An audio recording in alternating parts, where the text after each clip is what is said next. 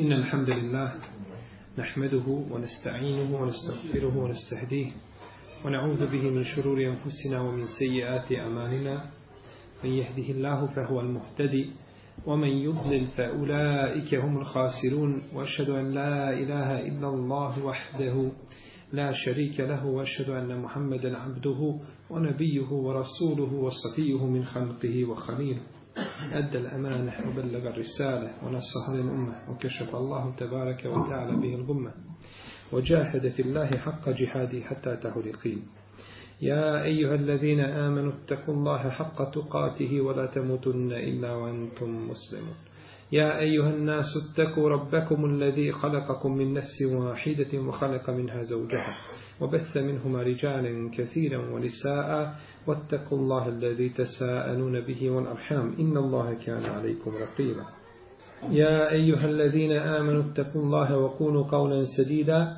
يصلح لكم أعمالكم ويغفر لكم ذنوبكم ومن يطع الله ورسوله فقد فاز فوزا عظيما أما بعد فإن أصدق الكلام كلام الله تعالى وخير الهدي هدي محمد صلى الله عليه وسلم وشر الأمور محدثاتها وكل محدثة بدعة وكل بدعة ضلالة وكل ضلالة في النار أما بعد زبرش الاسم našem prošlom druženju sa poglavljem tejemuma. I sada je shodno, znači fikskim poglavljima i poredcima ovih hadisa, u dijelu Umdjetul Ahkam na redu poglavlje Babul Hajr, poglavlje Hajza ili poglavlje mjesečnog ciklusa. Autor je u ome poglavlju spomenuo pet hadisa. Prvi od tih hadisa je hadisa Aisha radijallahu ta'ala anha, znači hadisu vezani za mjesečni ciklus. Hajd u arapskom jeziku ima nekoliko naziva. Kaže se Bahik, kaže se Ebibkjar, Ebibkjar, Ebibkjar, Ebibkjar, Ebibkjar, Ebibkjar, el firak i drugi nazivi imaju znači za hajd. Kao i brojne druge stvari u arapskom jeziku mogu se kazati na dosta načina. I kada se vrati na precizno znači arapskog jezika ili zbog čega je određena riječ dobila određeni naziv, vidjet ćemo da ta riječ može biti samo na tom mjestu. Na tom mjestu. Ne može biti znači na doći druga riječ koja ima isto značenje na to mjesto. Nego je znači razlika. I to je specifičnost arapskog jezika. Ljudi danas, kada govore arapski jezik, ne razlikuju to. Pa kažu, na primjer, džele se je sjesti. A kade je sjesti? Iđlis ili okod? Sjedni. No, međutim, okod kažeš čovjeku kad stoji, sjedni. A čovjek koji je naslonjen, ili na leđima, pa hoćeš da sjedne, kaže, kažeš mu iđlis. Pa je tu razlika. Pa ne možeš čovjek koji stoji reći iđlis. Iako se to danas kaže, normalno i niko ne pravi razlike. Izrazite, izrazi ta većina ljudi ne poznaje tu razliku. No međutim, specifika arapskog jezika jeste znači što ima znači taj širok široku lepezu znači izraza i svaki dolazi na njemu određenom mjestu. A najšet Allahu anha ene Fatimete bint Ebi Hubejš سالت النبي صلى الله عليه وسلم فقالت إني أستحاض فلا أطهر أفأدع الصلاة قال لا إن ذلك عرق ولكني دعي الصلاة قدر الأيام التي كنت تحيضين فيها ثم اغتسلي وصلي وفي رواية وليس بالحيضة فإذا أقبلت الحيضة فاتركي الصلاة فيها فإذا ذهبت قدرها فاغتسلي عنك الدم ili fagsili anki dem usalli. Od Aisha radi Allahu da Allah se prenosi da je Fatima, kćerka Ebu Hubejiša, došla kod poslanika sallallahu sallam i pitala. Kazala je Allahu poslaniče, kaže ja sam žena i dobijem istihadu. Hoću li? I kaže ne mogu se lahko očistiti. Ne mogu se lahko. Kaže ja sam žena i dobijem znači izljev krvi i neće krv da prestane, hoću li ostaviti namaz? Kaže, nemoj. To je, kaže, in ne zalike irq, to je, kaže, krv koja ističe iz vena. Ostavi, kaže, namaz samo onaj dio dana, koliko obično imaš svoju mjesečnicu, potom se okupaj i klanjaj. A u drugom rivajetu kaže, to nije hajd. To nije hajd. Kaže, kad se pojavi hajd, ostavi namaz i nemoj klanjati, a kada prestane hajd, operi, kaže, sa sebe krv i klanjaj. Što se tiče ravije hadisa Aisha radijallahu ta'ala anha, o njoj smo govorili u prethodnim poglavljima, a žena koja je spomenuta ome hadisu, Fatima bintu Ebi Hobejš, prenosi jedino ovaj hadis, odnosno ne prenosi ona hadis, već se jedino spomnije ome hadisu. Nema joj spomena u sunetu poslanika, sallallahu sallam, osim ome hadisu. I da nije spomenuta ovdje, mi ne bismo znali da je postala ta sahabika. Ova Fatima, pinto bih obejiš, udala se za Abdullaha ibn Đahša, pa mu je rodila Muhammeda, ashaba, i bila od onih koji su činili hijđru. I ona je jedna od žena koje su imale istihadu u vrijeme poslanika, sallallahu alaihi vseleme. I bila je tu još Hamna bintu Đahš, žena Talhe ibn Ubidillaha, sestra Zajnebe, majke vjernika, Isto tako Umu Habibe je jedna od njih. Isto tako Seuda bintu Zema, majka vjernika, isto jedna od njih. Sehle bintu Suhejl. I Esma bintu Meis i Zeyneb bintu Umi Seleme. I Esma bintu Mersid el-Harisije.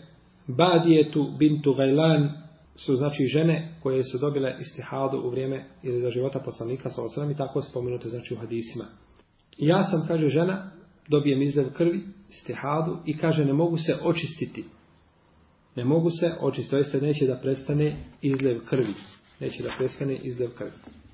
U ome hadisu imamo nekoliko koristi. Prva korist je da žena koja je u istihadi klanja.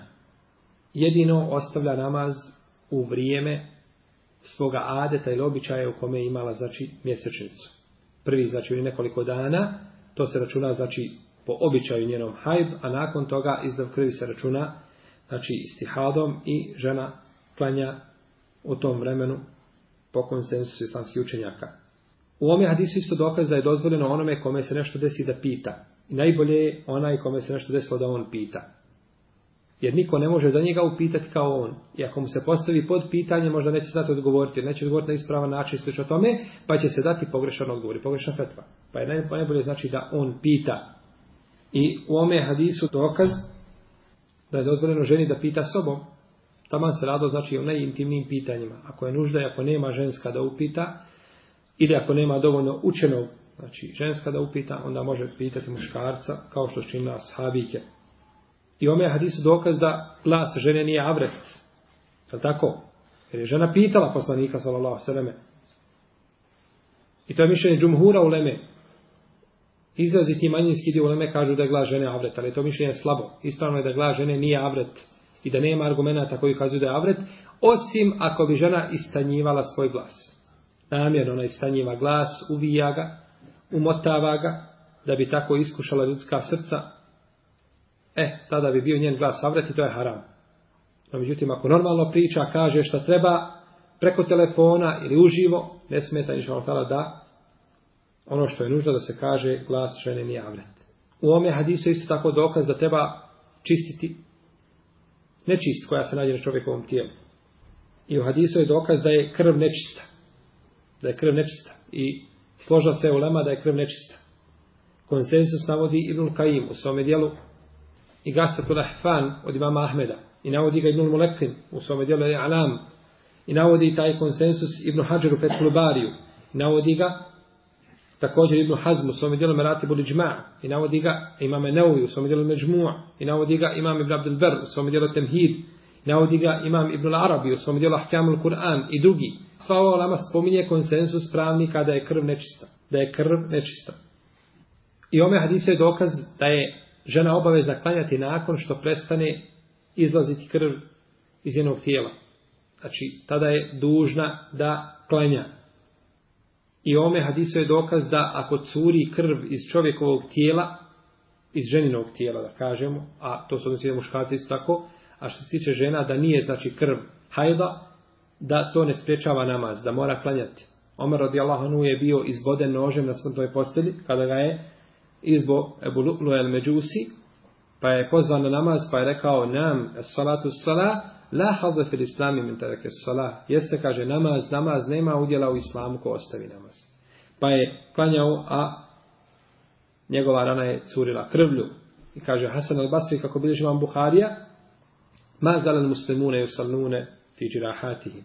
I muslimani od uvijek klanjaju svojim ranama. I drugi argumenti koji ukazuju da se može klanjati kada krv curi iz tijela, znači ako nije krv hajda kada se tiče žena.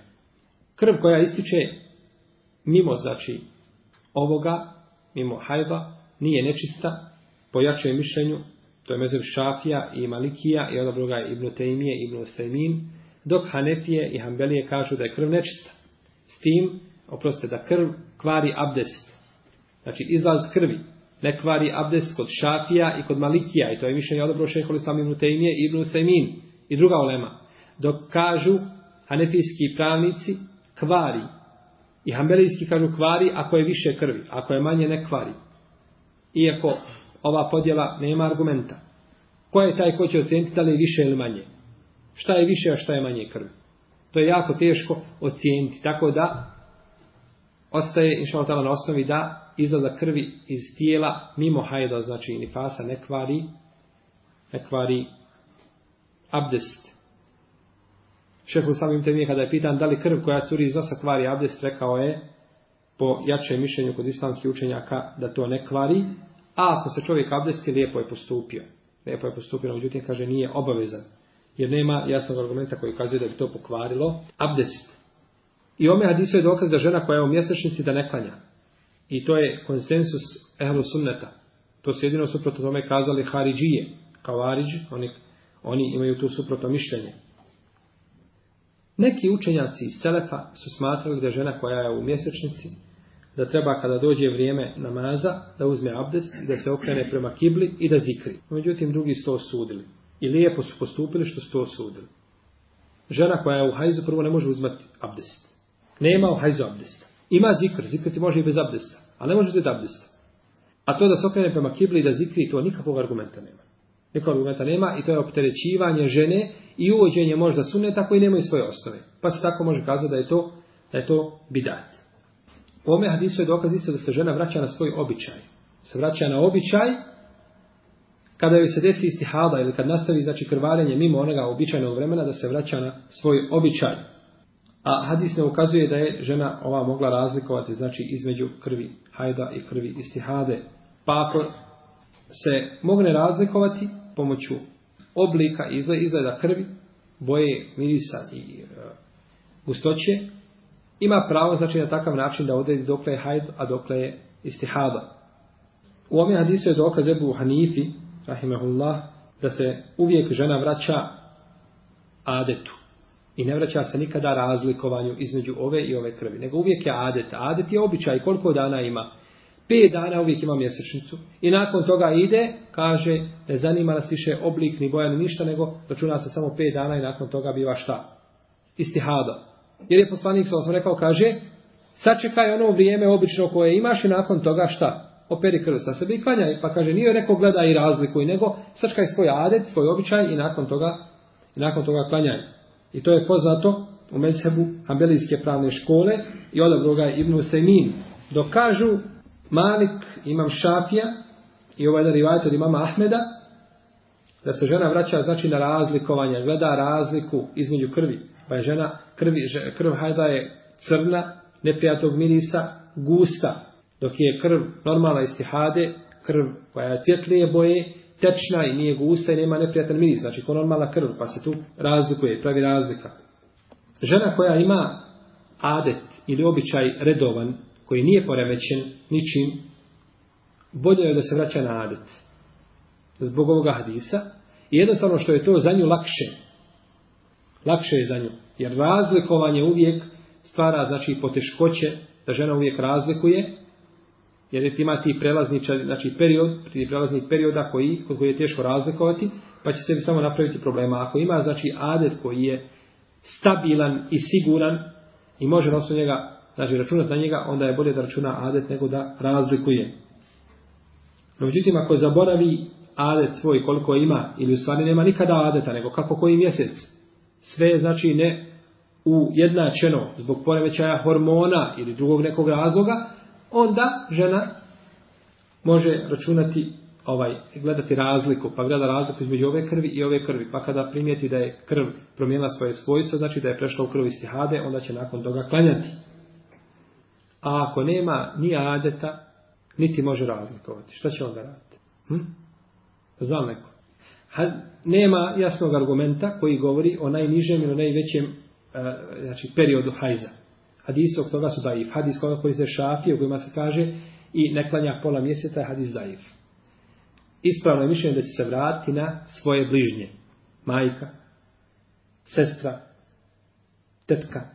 Bliža ta uža ženska rodbina i da vidi kakav je, kakav je kod nje hal i kolik, kako je stanje, pa će uzeti neku srednju vrijednost i na osnovu toga će procijeniti. Znači uzet će najbliže jer to se znači prenosi genetski sa osobe na osobu, tako da neće sigurno biti daleko od onoga na čemu je bila njena majka ili sestra i slično, i slično tome. U ovome hadisu je isto tako dokaz da je obaveza ženi da se kupa za svaki namaz. Onima koji smatruju da je obaveza ženi da se kupa koja je ustihad za svaki namaz, ovaj hadis pobija tako mišljenje jer je došlo okupaj se. Jedan put. Nije rekao okupaj se stalno, znači da svaki namaz, nego okupaj se jedan put. To je općenito znači kupanje i to je mišljenje džumhura u leme iz prvih i potonjih generacija. Ovo zbraću znači, pitanja koja se tiču hajda. I ulema kad govori o hajdu kažu da je to najteže poglavlje fikha. Najteže poglavlje fikha. Zato što ima malo hadisa i nisu stvari do onih najvećih tančina precizirane sve hadisima. Pa ima i štihada, općih pravila i tako dalje. Pa onda našto što svaka žena ima svoje pravilo ili većina žena imaju svoje pravilo, ne ulaze, znači, pod opća neka pravila. Imaju, znači, problema s tim, pa zbog toga je to neka olema smatrala da spada među najteže poglavlje fika. Znači, kupanje treba samo jedan put nakon prestanka krvarenja. Prenosi se od Ibn Omera i Ibn Zubeira i Ata, da su smatrali da se žena treba kupati za svaki namaz. Kaže, ono, uđutim, ovo mišljenje je slabije. Prenosi se od Aisha radijallahu ta'ala anha, da je govorila, neka se kupa svakog dana po jedan put. A Ibnul Musejib i Hasan kažu kupa se od podne do podne. Znači slično, slično tome. Pojačuje mišljenje islamskih učenjaka, kupa će se jedan put. To je mišljenje imama četiri pravne škole, imama četiri mezheba. Zbog opće naredbe, znači za kupanje. I u ome hadisu je odgovor ima koji kažu da će se takva žena kupati po noći i po danu, dva puta. To je stav koji se prenosi su neki ashaba, no međutim ispravno je da će se okupati samo jedan put. I to je najlakše za nju. I to odgovara općim, općim znači ciljevima šarijata, olakšavanje, a ne otežavanje. I na to ukazuje citirani hadis. I u ome hadisu isto dokaz, znači istihade, da žena može biti u istihade i da je propis istihade različit od propisa hajba. Iako bi čovjek imao odnos sa ženom koja je u istihade, Većina uleme smatra to dozvoljenim. Kaže Imam Ahmed, neće joj prilaziti osim ako to potraje. Ako to potraje, a u drugoj predaji neće joj prilaziti osim ako se poboji za sebe. Vjerojatno da Imam Ahmed znači uzeo dodatnu dozu preznosti, zato što žena sigurno u tome stanju nije kao u običnim i normalnim jeli, vremenima, pa je tako znači bolje mužu da ne prilazi ženi u tome stanju, da sačuva prvobitno mišljenje o njoj, ali većina oleme je znači smatrala da je to mm. dozvoljeno, jer ako je dozvoljeno znači da čini ibade, dozvoljeno je znači i sve što je mimo toga. To je bio prvi hadis koji se tiče ovoga poglavlja. Nakon toga dolazi hadis ponovo kada prenosi Aisha radijallahu ta'ala anha, kome ćemo išao tala govoriti u našem narednom druženju. I vidimo znači, da je Aisha prenosila te hadise koji su znači, vezani za intimu žena radijallahu talanha, i bila je u tome najučenija žena svih vremena. Kada bi neko nešto upitao, Ebu Hureyde kada je rekao da postač koji ostane džunup ne može postiti taj dan, to će kao je zoru džunup, ne može postiti, kaže Aisha subhanallah, Allah poslanik sallallahu sallam je ostitao džunup pa je postio, kako ne može? Pa kada je tu čuo Ebu Hureyde, kaže, Aisha je, kaže, učenija od mene u tome pogledu ona to zna bolje od mene, kaže to su stvari intime i ona to sigurno bolje poznaje. Molim Allah te barek da nas pouči našoj vjeri. Sunnetu poslanika sallallahu alaihi wa sallame da su učvrsti na istini. Popravi naše stanje i stanje našeg ummeta. Da su usmrti na rečima la ilaha illallah muhammedu rasulullah. Wallahu ta'ala alam. Sallallahu ala nabina muhammed. Wa ala alihi wa sahabihi. Thank you ima pitanja vezani za temu ili mimo teme bolje. Assalamu alaikum, alaikum assalam. Da li je dozvoljeno ženi u mjesecu Ramazanu uzimati tableta koje obustavlja? Obustavljaju te ste pomjere hajz da bi mogli spojiti mjesec Ramazan, Allah te nega. Da li je dozvoljeno? Dozvoljeno je. Ako to žena uradi i posti, njen će post biti ispravan. Ne mora na posti, ne mora se iskupiti. Ali je bolje da to ne čini. Bolje da to čini, jer su žene za vrijeme poslanika, sa Allah se ne dobijale hajz i nisu postale te dane, pa su napaštale nakon Ramazana. Pa su napaštale nakon Ramazana. Tako činila Aisha, rabi Allahu talana, i tako su činile najbolje žene, znači u prvim generacijama. Iako je kod njih bilo poznato, da ne neko mislio, pa nisu oni to znali, bilo je kod njih poznato obustavljanje hajda. Jer bilježa Abdur Rezak u svojemu samnefu, od Ibnu Omara, sa slabim lance prenoslaca i u drugih učenjaka Selefa, da je kod njih bilo poznato pijenje vode od misvaka kada popije vode od isaka, to zaustavi, obustavi njen hajde jedno vrijeme. Pa se to dozvoljavalo na hađu, kad žena ide na hađ, ipak hađ je nešto drugo, to je jedan put u godini, dok se Ramazan razlikuje, i obustavljanje hajda sigurno djelomično, djelomično šteti. No, vidite, ako se radi jedan put ili dva put, ili tri put u životu, sigurno da to nije znači šteta koja je koji treba posvetiti posebnu pažnju, odnosno na korist koja se pribavlja. Ali da to da žena žini svakog Ramazana ne treba, jer brojni sadis koji govori da znači da žena napašta Ramazanski post, ali napašta šta? namaz post je znači na post, a neće na post nama, neće naklanjati namaz, jel? Tako da, za ustavljanje krvi, ako uradi, bit će priznat njen post, neće biti griješna, ali je bolje da to ne čini i to je, to je bliže sunnetu da to ne čini. Allahu ta'ala. Pitanje, salamu alaikum, ako žena samo sebe zadovolji, kakva je,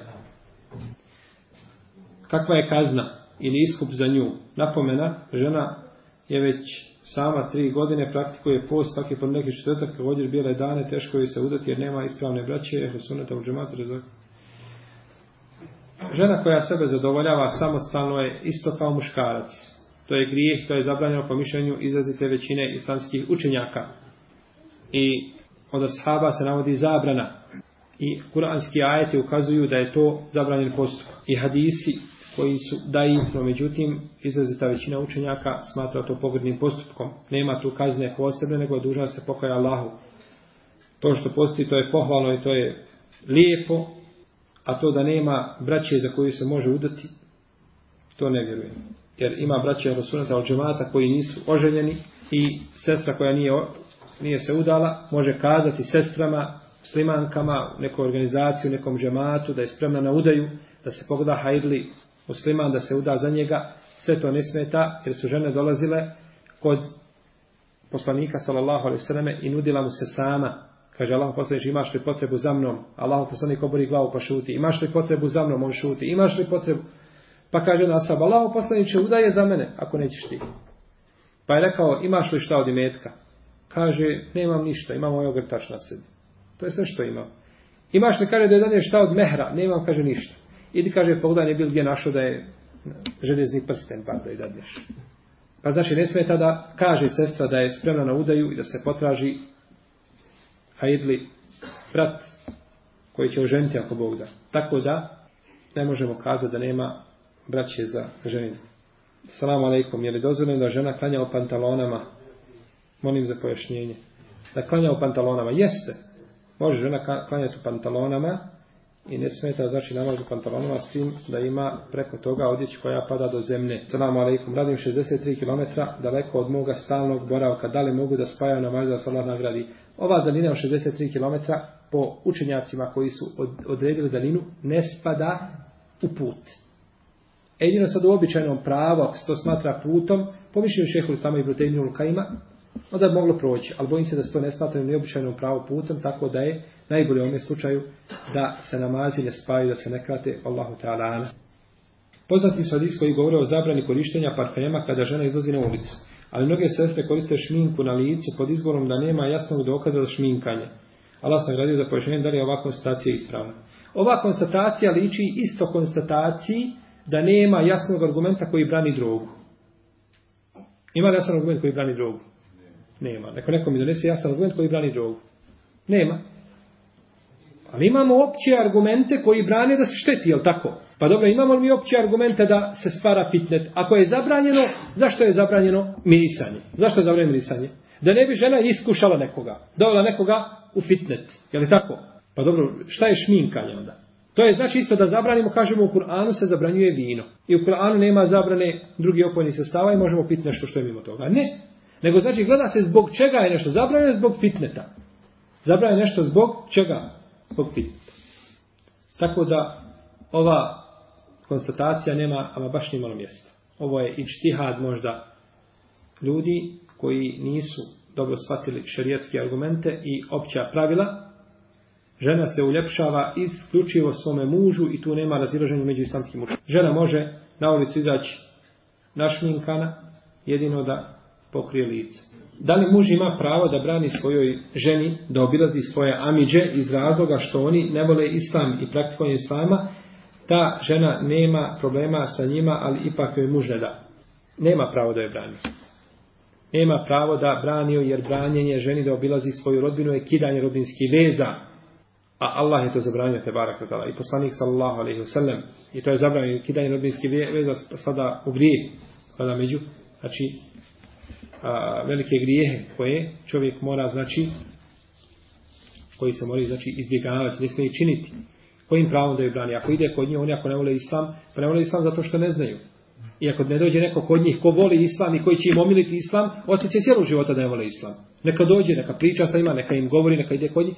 A kada primijeti da oni na nju negativno utječu, ili da ismijavaju i nju i vjeru i vrijeđaju i tako dalje, čast njenu, to je druga stvar. Međutim, dok je situacija normalna, ne treba brant, nego treba čak da je postiče da ide njima u posjet. I da im govori, da im priča. U protivnom, gdje je dala, braća? Gdje je dala? Nestala bi. Ne, ne treba da govori, da ide i da posjećuje i u tome je hajde došlo, ti ljudi nekakvi, oni sebe smatruju nekakvim muslimanima. E pa kad si musliman, onda treba neko znači da ti govori o propisima.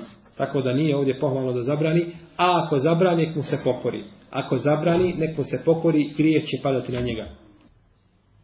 Da li je haram, svala alaikum alaikum salam, da li je haram da se piju tablete protiv trudnoće, jer doktor kaže da je to potrebno da se hormoni regulišu? Nije. Nije zabranjeno. Ako je to potrebno, znači da žena da reguliše hormone, da se vrati, znači sve u, na, ono, u svoj stadiji i tako dalje, onda žena može piti, znači, jedno vrijeme protiv trudnoće, jer njoj nije cilj ovdje da spriječi trudnoću, jer sigurno da ne može doći do trudnoće na potpuno znači prirodan način ako hormoni nisu znači u redu ili jedan dio hormona koji se veže znači za trudnoću. Tako da da znači žena ako ome slučaju uzme tablete protiv trudnoće da to neće smetiti. Da li je haram da se skine marama pre ženom džahilkom? Tu postoji spor među lemom. Postoji spor kad je spomenuto dozvola otkrivanja ukrasa, I kad spomenu žene, njihove žene, koje žene, kažu neke mu'minke, neke kažu općenito misli se na žene. U svakom slučaju, ono što je danas poznato u Saudijskoj Arabiji od Fetve Uleme, da je dozvoljeno ženi da se skine. Ako je žena džahilka muslimanka, dozvoljeno je pod uslovom da znaš da ona neće tebe opisivati svome mužu. A što se tiče nevjernice, tu se spor vodi. Tu se spor vodi i dozvoljavaju pred njima da skine, ali je bolje ženi da to ne radi pred nevjernicom. A pred džahilkom, ako će to raditi, i zna da ona neće opisivati, može inša Allah neće smetati, a ako zna da je ona takva da će kazati svome mužu kući kakva je žena, opisivati našto ako ima nešto od ukrasa što je podario uzvišenje Allah pa bi mogla pričati to svome mužu, onda je zabranjeno i neće to raditi. Allah te Mora se skinuti potpunost. Mora se skinuti potpunost jer abdest mora biti znači opran svaki dio tijela. Jer poslanik s.a.v. je vratio onoga čovjeka na kome je vidio da ima za koliko nokat na stopalo suho, kaže, idi vrati se i poboljšaj svoj abdest. U najmanju ruku površi abdest, oper to što je ostalo neoprano. Tako da je čovjek udužan da to skine. Ako može.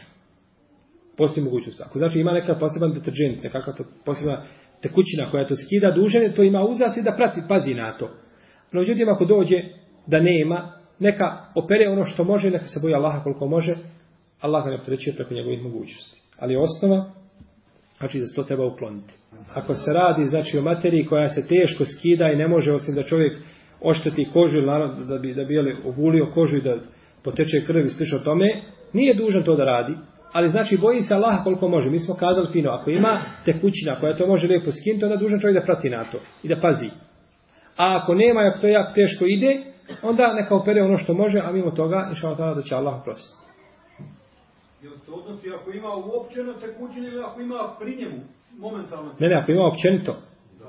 Mora paziti čovjek. Znači imate kućina negdje koja nije nešto posebno skupa, da bi čovjeka znači, iziskivalo neke velike materijalne troškovi, može je kupiti da sasvom mora to imati. Praći, mi kad pođemo na put, mi ponesemo sasvom vode, jel tako? Zašto znači, sabdestimo? Ponesemo hranu, ponesemo piće, ponesemo sve. To je znači kad se tiče stomaka. Pa dobro onda kad se tiče i badeta, treba čovjek da preduzme neke mjere, jel tako, da, da može i baditi kako treba. Ne, kakva bi to logika bila? Allah ti dao zdravlje, podario ti metak, podario ti sve i ti trebaš hoći kupiti kućinu koja košta euro 2, 3, 5, nije bitno i ti nakon toga škrtariš da bi to kupio da mogao da obaviš i badate ispravno. To sigurno nije, nije ovaj pohvalno. I druga stvar, mi kad bi odlazili na svadbu, kad bi bili na bauštali radili i malterisali i došli kući sve, mi bismo to guli dok ne bi guli da imamo na svadbu čisti i među ljude lijepi. Pa dobro kad ideš predalažiš, on je, on je preči da se čovjek, da čovjek se očisti koliko može. Znači mi ne opterećujemo ljude, niti Allah opterećuje ljude preko mogućnosti, ali mora čovjek znači uložiti sve o sebe što može da predalaš ono stane u najljepšem izgledu. A ono što ne može, ne, Allah ga te bar kao dužima u tome. Yes. To se odnosi na rija, na pretvaranje. To je ta vida, vid, znači to je taj vid ma, malog širka, rija, pretvaranje. Ovaj, da čovjek znači pretvara se kad nešto radi, kad niko, nikad on ne daje sadaku, ali kad vidi da ga ljudi gledaju, onda izadi da ne sadaku. To je to. Čovjek ne osjeti, znači ne osjeti to, upadne u rija da ne osjeti. Kao, ti osjetiš ti mrava kad hoda po kamenu mrklo noć. Nikoga ne vidi. Tako je rija. Uvuče se tebi i ti počiniš taj mali širk, a ti niti si vidio, niti si čuo, niti si osjetio. Tako je rija. Ne klanja, čovjek uvijek klanja brzo, samo sklanja i sklepeta i gotovo. Ali kad klanja ispred ljudi, prođe 20 ljudi, gleda on polako, da se tekbiri, klanja dugo, dugo lijepo popunjava ruku i tako dalje. Znači čini pretvaranje. E to je ta vid, to je taj vid znači širka. Jes to je taj vid malog širka. Koji može da se transformiše u veliki. Kada bi to čovjek radio zbog ljudi, i ibadet čisto zbog ljudi, ne zbog Allaha i tako dalje, ili ibadet činio ljudima, tada postoji mogućnost, jeli, taj mali širk pređe u jednu pasniju fazu hajden. Nije čovjek dužan da skida odjeću. Čovjek nije dužan da skida odjeću. Zašto mi od kažemo da je dužan da ukloni sa tijela što može? Zato što je to pranje obavezno za abdest. Ali odjeća ta nije, jedino kad bi tu bilo nečistoće, kad bi čovjek znao čisto nečistoće da ima klasične neprljavštine, ta, taj lepilo, to fasada, to je sve, to je sve, možemo kazati da je najviše prljavo, ali ni nečisto, to je razlika velika. Tako da čovjek slobodno kada klanja odjeću koji jeste i kad bi htio da se presvuče, kažemo, ne moraš sebe opterećavati, Allah ti nije opteretio. Ti bi se mogao presvući jedan dan, dva dana, tri dana, nakon toga bi to dosadilo. Tako da, i badete ne, ne smije se otežavati, no međutim, ono što se mora uraditi, treba da se ispuni. Tako da se do, da je dozvoljeno klanjati čovjeku, znači odeću koje radi, ako nema na njoj nečistoće. Ovdje je pitanje, šta da uradi žensko koje se povratilo vjeri, ona je mlada pa se tetovirala, šta sad da uradi svom tetovažom? Tetovaža sa tijela, ako se može ukloniti da nije znači skup, imaju te sad laserske te operacije, ako nije skupa, ako se može nekako to uraditi preko tih nekih zdravstvenih osiguranja koje čovjek ima, neće smetiti da ukloni. A ako mora plaćati puno, onda nije dužan to da radi. Nije dužan to da radi, bude da stavi metak da negdje u sadaku, a nakon toga neka traži od Allaha oprosta, to je dovoljno. I tako je, braće, svaki grijeh, mi, ovo je tetovaža, mi vidimo tetovažu. I tetovažu insan vidi i uvijek ga to posjeća na grijeh koji je počinio. Ali ima grijeha koji insan činio, širka Allahu činio, ili ostavio namaz, to je sve gore od tetovaže, a mi to ne vidimo, to mi lahko zaboravimo. A da možemo to vidjeti, da može pored nas biti da nam smrdi u gušlog nas. To kaže ulema, govorile kaže da moji grijesi smrde, kaže niko pored mene ne mogu sjediti. Najviše ulema to govorila.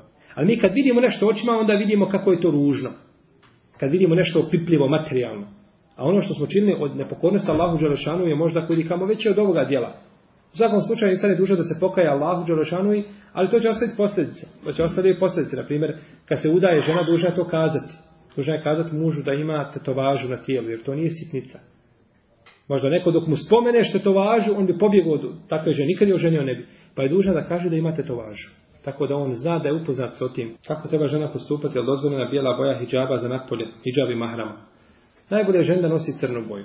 No međutim, ako iz ovoga ili onoga razloga ne može ili ne želi da nosi crnu boju, pa želi da nosi drugu boju koja nije sobom šerijatski zabranjena i boja koja privlači nije šalena i sveč o tome, onda ne smeta da nosi. Tako da žena ako stavi bijelu maramu na glavu i bijeli, hijab, i bijeli nikam i tako dalje, da to inšalav tada neće smetiti.